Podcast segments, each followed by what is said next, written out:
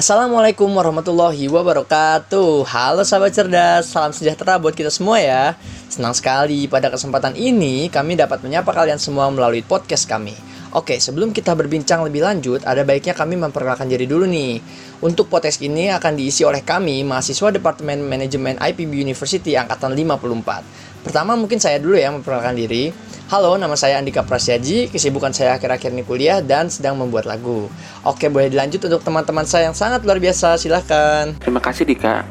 Halo sahabat cerdas, saya Albert Calvin. Kesibukan saya sekarang ini berkuliah, berorganisasi, dan ya penyusunan tugas akhir.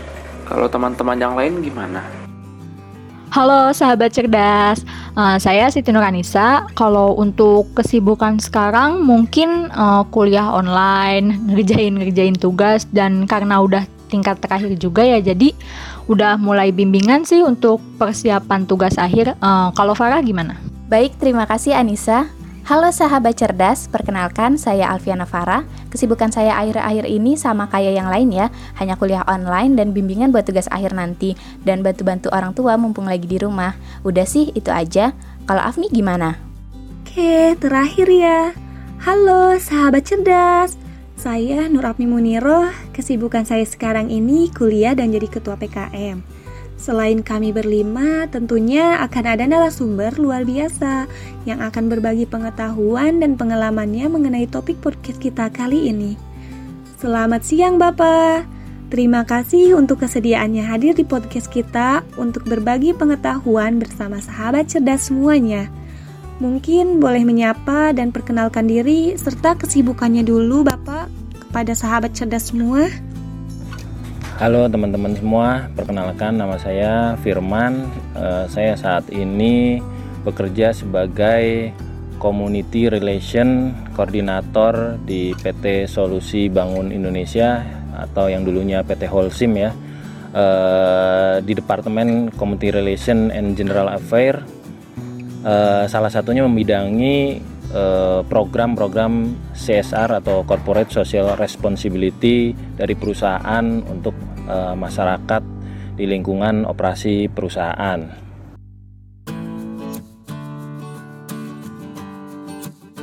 Halo Bapak Firman, sekali lagi kami ucapkan terima kasih ya untuk kesediaannya hadir bersama kita untuk berbagi pengetahuannya hari ini. Oke, mungkin bisa diceritain dulu nih ke sahabat cerdas semua apa topik yang akan kita bahas pada kesempatan ini.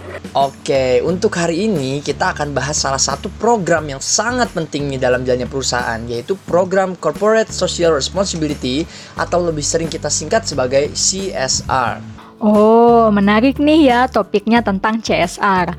Nah, tentunya kita semua udah tahu nih sahabat cerdas kalau corporate social responsibility atau biasa kita sebut CSR ini sangat dibutuhkan untuk menjaga hubungan baik antara perusahaan dengan lingkungan operasional perusahaannya sendiri. Nah, mungkin untuk Farah nih bisa diceritain dulu kepada sahabat cerdas semua basically yang dimaksud dengan CSR itu apa sih? Oke, baik. Jadi kita samakan dulu ya persepsi mengenai apa sih CSR ini. Menurut Kotler dan Lee tahun 2005, Corporate Social Responsibility atau CSR ini adalah komitmen perusahaan untuk meningkatkan kesejahteraan masyarakat sebagai pertimbangan dari praktik bisnis dan bentuk kontribusi dari sumber daya perusahaan. Gitu ya sahabat cerdas. Oke, terima kasih untuk penjelasan awalnya ya Farah bisa dilihat nih kalau keberadaan CSR ini sangat penting ya sahabat cerdas. Nah, untungnya untuk podcast kita kali ini telah hadir narasumber yang hebat dan sangat berpengalaman langsung di bidang CSR. Mungkin Bapak Firman dapat membagikan pengetahuan dan pengalamannya nih untuk menerangkan sebenarnya fungsi CSR ini untuk suatu perusahaan atau lingkungan dan masyarakat itu apa sih Pak? Dan seberapa pentingnya program-program CSR ini untuk hubungan baik dan keberlangsungan perusahaan? Terkait fungsi dari CSR bagi suatu perusahaan dalam beroperasi di sebuah wilayah memang banyak sekali uh, definisi CSR dan fungsi-fungsi CSR dalam literatur atau referensi. Nah, salah satunya mungkin yang pernah didengar atau uh, cukup populer disebutkan adalah uh, fungsi license to operate atau uh, prasyarat uh, sebuah perusahaan uh, dapat beroperasi di satu wilayah gitu ya. Uh, CSR ini memang uh, penting sekali bagi perusahaan untuk diadakan atau diimplementasikan karena uh, melalui CSR pula lah jembatan atau hubungan komunikasi, hubungan program-program ya antara perusahaan dengan lingkungan dan juga stakeholdernya itu bisa berjalan. Sehingga CSR ini uh, menjadi komponen yang cukup penting bagi perusahaan dalam beroperasi itulah kenapa disebut sebagai uh, license to operate.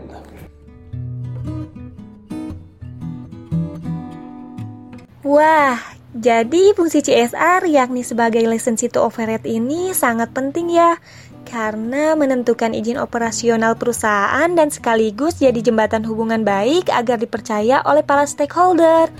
Terima kasih atas penjelasannya, Pak. Kita jadi lebih tahu nih akan pentingnya CSR. Nah, sekarang seperti yang kita tahu di Indonesia ini, perusahaan-perusahaan mempunyai cara-cara yang berbeda-beda ya dalam menetapkan fokus dan melaksanakan program-program CSR-nya. Kalau PT Solusi Bangun Indonesia sendiri memiliki program-program CSR apa saja nih Pak yang digagas untuk lingkungan operasional maupun masyarakat di sekitarnya? Mungkin bisa dijelaskan kepada sahabat cerdas semua. Program-program CSR uh, eh, dari perusahaan uh, ada beberapa pilar program. Salah satunya adalah program pemberdayaan masyarakat, eh, program sosial dan budaya, program lingkungan, program infrastruktur eh, itu yang menjadi pilar-pilar program eh, CSR di perusahaan. Hmm, uh, terus apakah semua program CSR tersebut telah ditargetkan untuk pengimplementasiannya oleh perusahaan sendiri, Pak? Iya, semua program CSR dari perusahaan uh, menjadi target untuk diimplementasikan dalam uh, satu tahun anggaran gitu ya. Jadi program-program tersebut harus bisa diselesaikan atau diimplementasikan sesuai dengan apa ya ada KPI-nya ya KPI program itu selama satu tahun. Jadi semua program targetnya memang harus dilaksanakan uh, setiap tahun uh, secara uh, menyeluruh ya atau secara uh, maksimal ya. Oh, jadi implementasi program-program CSR dari PT Solusi Bangun Indonesia sendiri sudah ditarget untuk terlaksana setiap tahunnya ya Pak. Kalau untuk penentuan program CSR yang dilaksanakan ini Pak, tentunya perusahaan berharap agar program-program tepat sasaran dan berdampak baik bagi perusahaan dan kesejahteraan masyarakat ya. Nah, untuk menentukan program-program CSR yang akan dilaksanakan ini, bagaimana langkah yang diambil PT Solusi Bangun Indonesia agar programnya ini tepat sasaran ya Pak. Mungkin bisa jelaskan untuk kami semua. Dalam menentukan program-program CSR yang akan diimplementasikan di e, masyarakat, yang pertama yang dilakukan adalah mengadakan pemetaan sosial atau social mapping ya. Ini sebenarnya umum ya standar bagi perusahaan-perusahaan e, e, dalam menentukan program-program CSR yang akan di ditetapkan dan diimplementasikan ya. Pertama pemetaan sosial, lingkungan ya, uh, social mapping. Setelah mendapatkan datanya juga uh, perusahaan uh, mengadakan pertemuan dengan masyarakat ya, atau apa ya istilahnya ya. Uh, uh, diskusi ya, diskusi bersama, bersama masyarakat. Ada yang bentuknya uh, FGD ya, focus group discussion atau pertemuan pertemuan informal ya dan juga uh, pertemuan-pertemuan uh, formal ya itu di mana di situ dalam pertemuan tersebut dalam diskusi tersebut biasanya ada inputan masukan saran juga dari masyarakat dari tokoh dari desa gitu ya dari stakeholder stakeholder juga yang lain ya terhadap perusahaan dan juga perusahaan bisa menyampaikan rencana program-programnya sehingga uh, ada uh, titik temu ya antara uh, kepentingan dari perusahaan dan juga kepentingan dari uh, masyarakat. Biasanya dalam setahun bisa dilaksanakan uh, minimal dua kali ya pertemuan tersebut, tapi pertemuan-pertemuan informal biasanya sih uh, cukup banyak dilakukan dengan uh, masyarakat. Berarti tumpuan utama untuk memastikan program-program CSR ini tepat sasaran ada di diskusi langsung dengan para stakeholder, terutama masyarakat ya Pak? Wah, keren banget nih ya sahabat cerdas.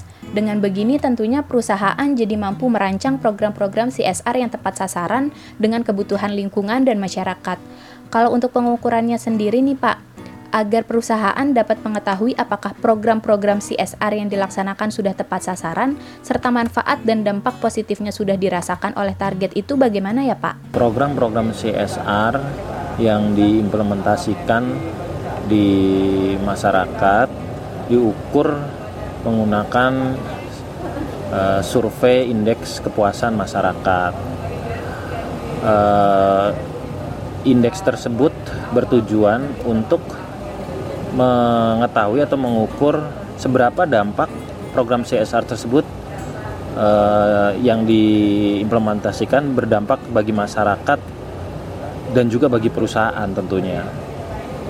Nah, beragam tanggapan dari masyarakat tentunya eh, dirangkum dalam eh, survei indeks kepuasan masyarakat tersebut mulai dari skala uh, skala puas gitu ya uh, diukur dari skor misalkan dari 1 sampai 10 gitu ya uh, dari skor tersebut nanti uh, bisa dirumuskan uh, bahwa satu program CSR memang memiliki dampak yang uh, positif misalkan di masyarakat dan juga tentunya uh, di perusahaan. Nah, skala indeks tersebutlah menjadi uh, tolok ukur dari pelaksana program untuk mengetahui dan mengevaluasi uh, program yang dilaksanakan di masyarakat.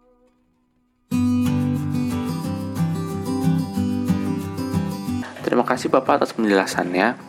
Nah, sahabat cerdas, dari sini kita bisa simpulkan ya bahwa pilihan program-program CSR ini telah melalui pertimbangan oleh perusahaan dan pelaksanaannya pun dipantau dan evaluasi agar tepat sasaran dan tujuannya baik untuk masyarakat maupun untuk perusahaan. Betul sekali Albert. Tentunya semua hal tersebut juga dilakukan karena perusahaan menginginkan hasil yang terbaik ya dari pelaksanaan program-program CSR ini. Tapi ini teman-teman dan sahabat cerdas semua pasti tahu dong ya, segala planning itu pasti memiliki kendala masing-masing, tidak terkecuali planning dan pelaksanaan program-program CSR.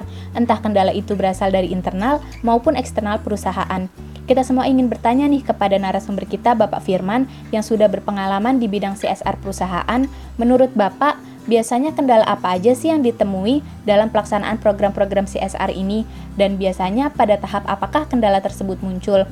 Apa lebih sering ditemui ketika masih perencanaan atau justru ketika sudah dalam proses implementasi ya Pak?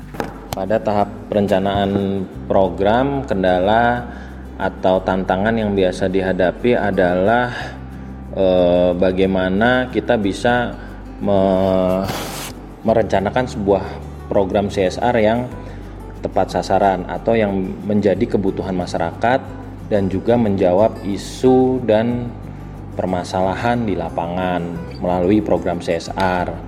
Nah, pada tahap ini biasanya eh, hasil diskusi dengan masyarakat dan juga stakeholder terkait akan muncul eh, usulan, permintaan dan eh, dan masukan-masukan yang sangat beragam ya sehingga uh, dari hasil diskusi tersebut kita akan menentukan program CSR yang nanti bisa menjawab kebutuhan dan uh, menjawab uh, isu dan permasalahan di lapangan. Oh, jadi uh, problemnya ini cenderung muncul pada saat program-program CSR sendiri masih dalam tahap perencanaan berarti ya, Pak?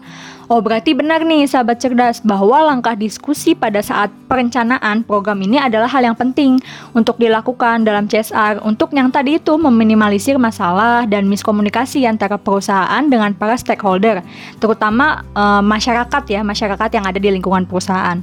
Nah, ngomong-ngomong soal miskomunikasi dalam CSR nih, mungkin sahabat cerdas sekalian juga udah ada ya yang pernah dengar stigma negatif mengenai CSR.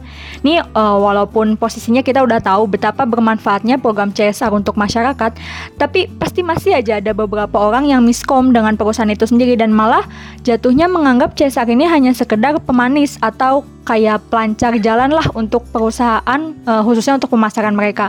Nah, sebagai praktisi CSR sendiri, pendapat Bapak mengenai stigma negatif ini bagaimana ya, Pak?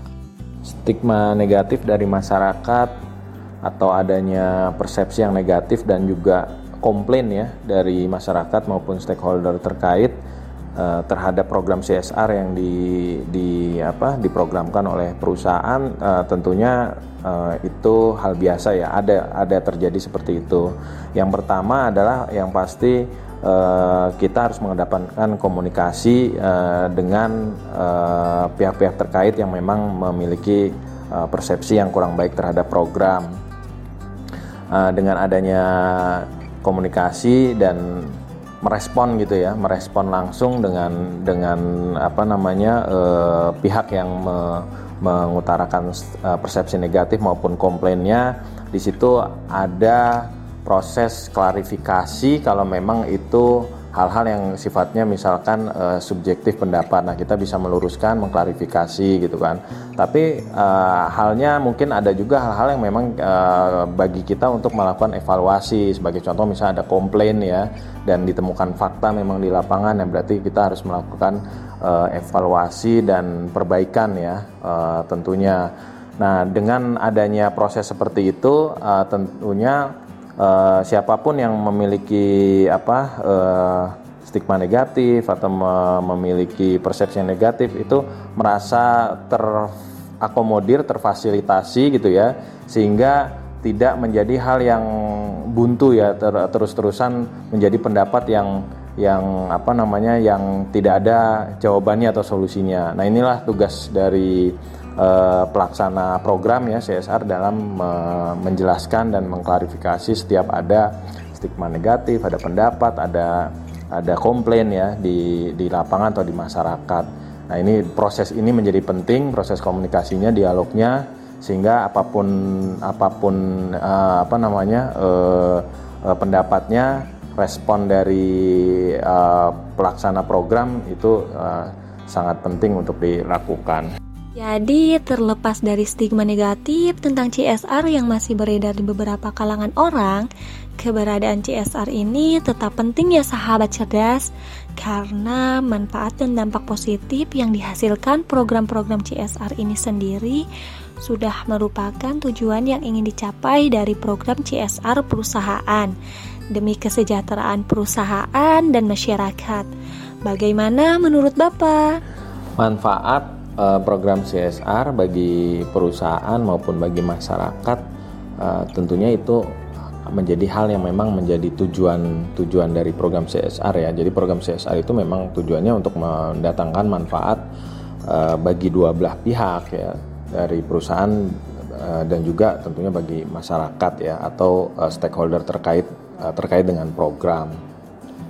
Bagi perusahaan Eh, program CSR yang diimplementasikan itu juga menjadi uh, saat ini kan menjadi kewajiban ya kewajiban kewajiban uh, yang ada aturan hukumnya lah ada peraturannya sekarang ya ada peraturannya dari pemerintah. Ya ini juga sebagai prasyarat bahwa perusahaan bisa beroperasi ya itu adalah perusahaan uh, patuh terhadap aturan-aturan uh, pemerintah maupun aturan misalnya aturan undang-undang lah gitu ya. Baik dari pem, uh, pe, aturan pemerintah daerah dari aturan kementerian dan lain sebagainya. Itu kan menjadi prasyarat uh, juga bagi perusahaan bisa beroperasi. Itu juga uh, salah satu manfaat dari program CSR yang di, diimplementasikan. Bagi masyarakat tentunya uh, manfaat program CSR itu outputnya atau benefitnya itu yang menjadi tujuan tujuan diselenggaranya program. Sebagai contoh, misalkan program uh, pemberdayaan ekonomi masyarakat, tentunya yang menjadi tujuan adalah adanya uh, peningkatan uh, kesejahteraan dari uh, satu kelompok masyarakat yang menjadi target penerima manfaat program. Nah, itu juga uh, apa namanya bagian dari manfaat dari program CSR. Untuk program lingkungan pun demikian, ya. Lingkungan menjadi tujuannya, begitu juga masyarakat yang ada di sekitar lingkungan tersebut bisa menikmati apa hasil dari uh, pelaksanaan program ya di bidang lingkungan sehingga misalkan tidak ada pencemaran, tidak ada apa namanya uh, kerusakan kerusakan apa alam atau memperbaiki kerusakan alam itu kan menjadi menjadi manfaatnya juga menjadi e, bisa dirasakan oleh masyarakat gitu. Jadi dua belah pihak memang dari program CSR ini memang harus bisa jadi penerima manfaat dari program yang di, diimplementasikan. Oke, terima kasih untuk penjelasannya ya. Nah, sekarang kita semua jadi lebih paham nih ya, sahabat cerdas tentang manfaat dan urgensi pelaksanaan program-program CSR oleh perusahaan itu apa sih? Oke, alhamdulillah tidak terasa nih ya waktu berlalu selagi kita kita sharing-sharing tentang CSR bersama sahabat cerdas dan narasumber hebat kita, Bapak Firman. Terima kasih untuk sahabat cerdas semua yang udah stay sama kita dan terima kasih pula Bapak Firman untuk berbagi pengetahuan dan pengalamannya kepada kita semua. Terima kasih Bapak. Baik, Uh, mungkin sebagai penutup, mungkin Bapak bisa sampaikan closing statement untuk kami dan sahabat cerdas semua. Silakan Pak. Sebagai closing statement, CSR sebagai tanggung jawab sosial perusahaan harus didefinisikan atau dipandang secara, dalam arti yang luas.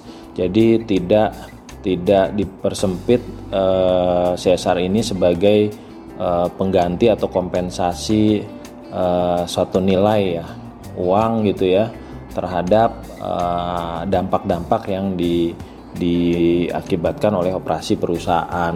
Nah, CSR itu lebih dari itu ya.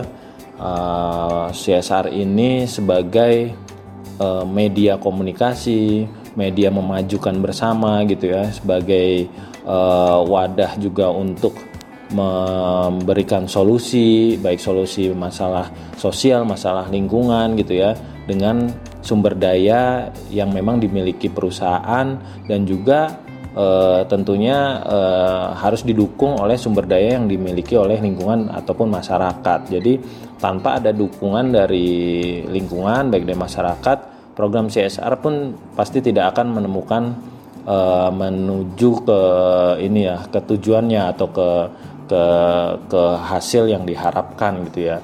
Tentunya dukungan semua pihak terkait uh, terhadap kesuksesan program CSR dari apa yang sudah direncanakan sampai diimplementasikan dan juga dievaluasi itu uh, tentunya sangat sangat dibutuhkan oleh semua semua pihak. Oleh karena itu menentukan program CSR yang tepat sasaran, yang efektif dan juga efisien itu tentunya uh, bukan hanya dari uh, tataran dari apa namanya uh, pihak perusahaan tapi dari semua pihak yang memang akan me menjalankan dan uh, menerima manfaat dari uh, adanya program CSR tersebut. Oke, terima kasih banyak Bapak Firman atas closing statementnya untuk podcast ini. Nah, tidak terasa kita semua sudah sampai di penghujung durasi ya. Jadi kami dan narasumber hari ini Bapak Firman mau pamit dulu nih sama sahabat cerdas semua. Silahkan Bapak Firman mungkin ingin berpamitan dulu dengan sahabat cerdas semua yang sudah stay bareng-bareng nih dari awal sampai akhir podcast kita. Ya, silahkan Bapak. Uh, demikian ya mungkin dari saya mudah-mudahan bisa memberikan manfaat ya dari diskusi kita kali ini. Terima kasih untuk rekan-rekan semua. Uh, sampai di sini dulu.